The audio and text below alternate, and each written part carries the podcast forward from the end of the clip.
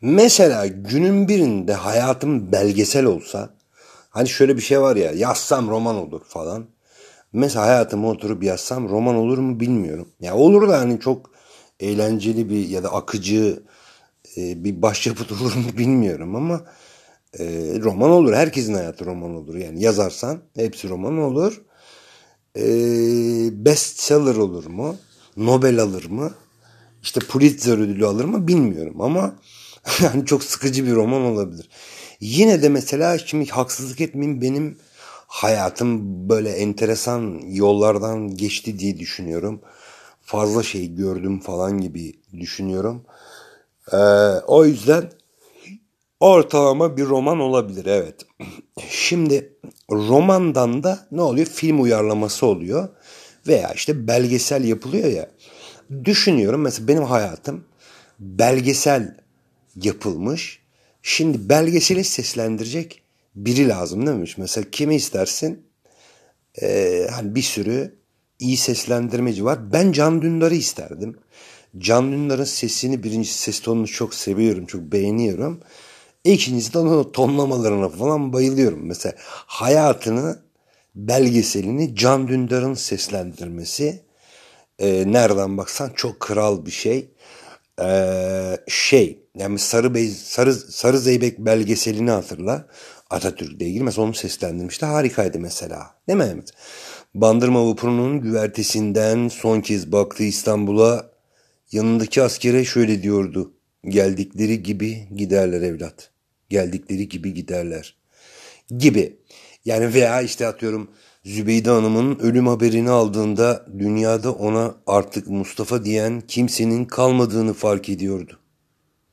Mustafa'nın hayatının en hüzünlü günüydü gibi mesela. Şimdi benim hayatımı seslendiriyor olsa mesela bir belgesel olsa ve seslendiriyor olsa mesela ne derdi?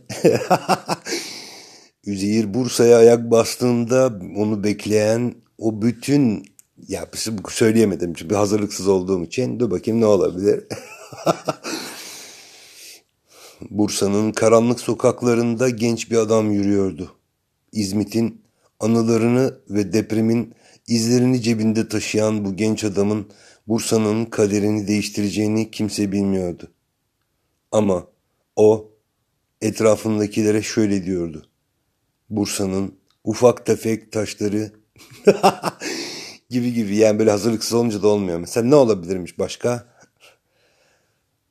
Bursa'daki yıllarının ya şöyle Bursa yıllarının omuzlarına yüklediği ağır sorumlulukla İzmit'e dönen Üzeyir olmuyor olmuyor. Yani neyse bunu e, şey yapamayacağım. Yani keşke öncesinde hazırlasaymışım bir şeyde. Bir metin yazsaymışım buralar için ama e, çok isterdim Can Dündar'ın bir hayatımın belgeselinin yapılması ve belgeseli Can Dündar'ın seslendirmesini isterdim. Üzeyir YouTube kanalını açıyordu. Abonelerini çok seviyordu. Ama aboneleri onu sevmiyordu. Böyle bir sorun var. 2600 abonede takılıp kalan Üzeyir düşünceli düşünceli etrafına bakıyor ve gökyüzünden gelecek müjdeli bir haberi bekliyordu. Bunun yalnızca bu şekilde olabileceğine inanmıştı. İki abonesi geldiğinde dört abone kaybeden Üzeyir Amına koyayım sonunda YouTube'a abone borçlanacağım. Yeter ulan. Kapatma da kapatamıyorum diye hayıflanıyordu. Bazı sabahlar erkenden uyanan Üzeyir, bazı günlerse sabahın ilk ışıklarına kadar oturuyor ve öğleden sonra ancak uyanabiliyordu. Onu tanıyanlar bir anlam veremiyordu. Gerçek gizli bağladı yalnız burada. Ciddi mi mesela neydi o ee, şey e, Serp neydi lan o gerçek kesitin arada giren ablanın adı zaten gerçek kesitle işte kanı dizisini öyle benzeştiriyorum kadının ismi de Perihan Savaş Perihan Savaş giriyordu orada Üzeyir'in bu hareketlerine arkadaşları anlam veremiyordu oysa Üzeyir çok sakin bilinen bir gençti bir de gençti işte bir şeydi falan ee, şeyde de e, Kanıt dizisinde araya Sevil Atasoy giriyordu. Unutmayın. kusursuz, kusursuz cinayet yoktur falan. Evet yani. Böyle bir şey mesela. Ee, şimdi bu ses kaydı olmadı mesela. Ben, ben bunu yine de yayınlayacağım biliyor musun? Çok enteresan bir şekilde olmadığını düşündüğüm halde bunu yayınlayacağım.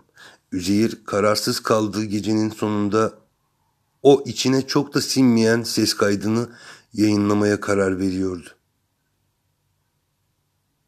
Ona Üzeyir diyen kimsenin kalmadığını fark ettiğinde içini derin bir hüzün dolduruyordu. Bugünlük bu kadar ya da bu akşamlık bu kadar. Tekrar görüşene dek hoşçakalın.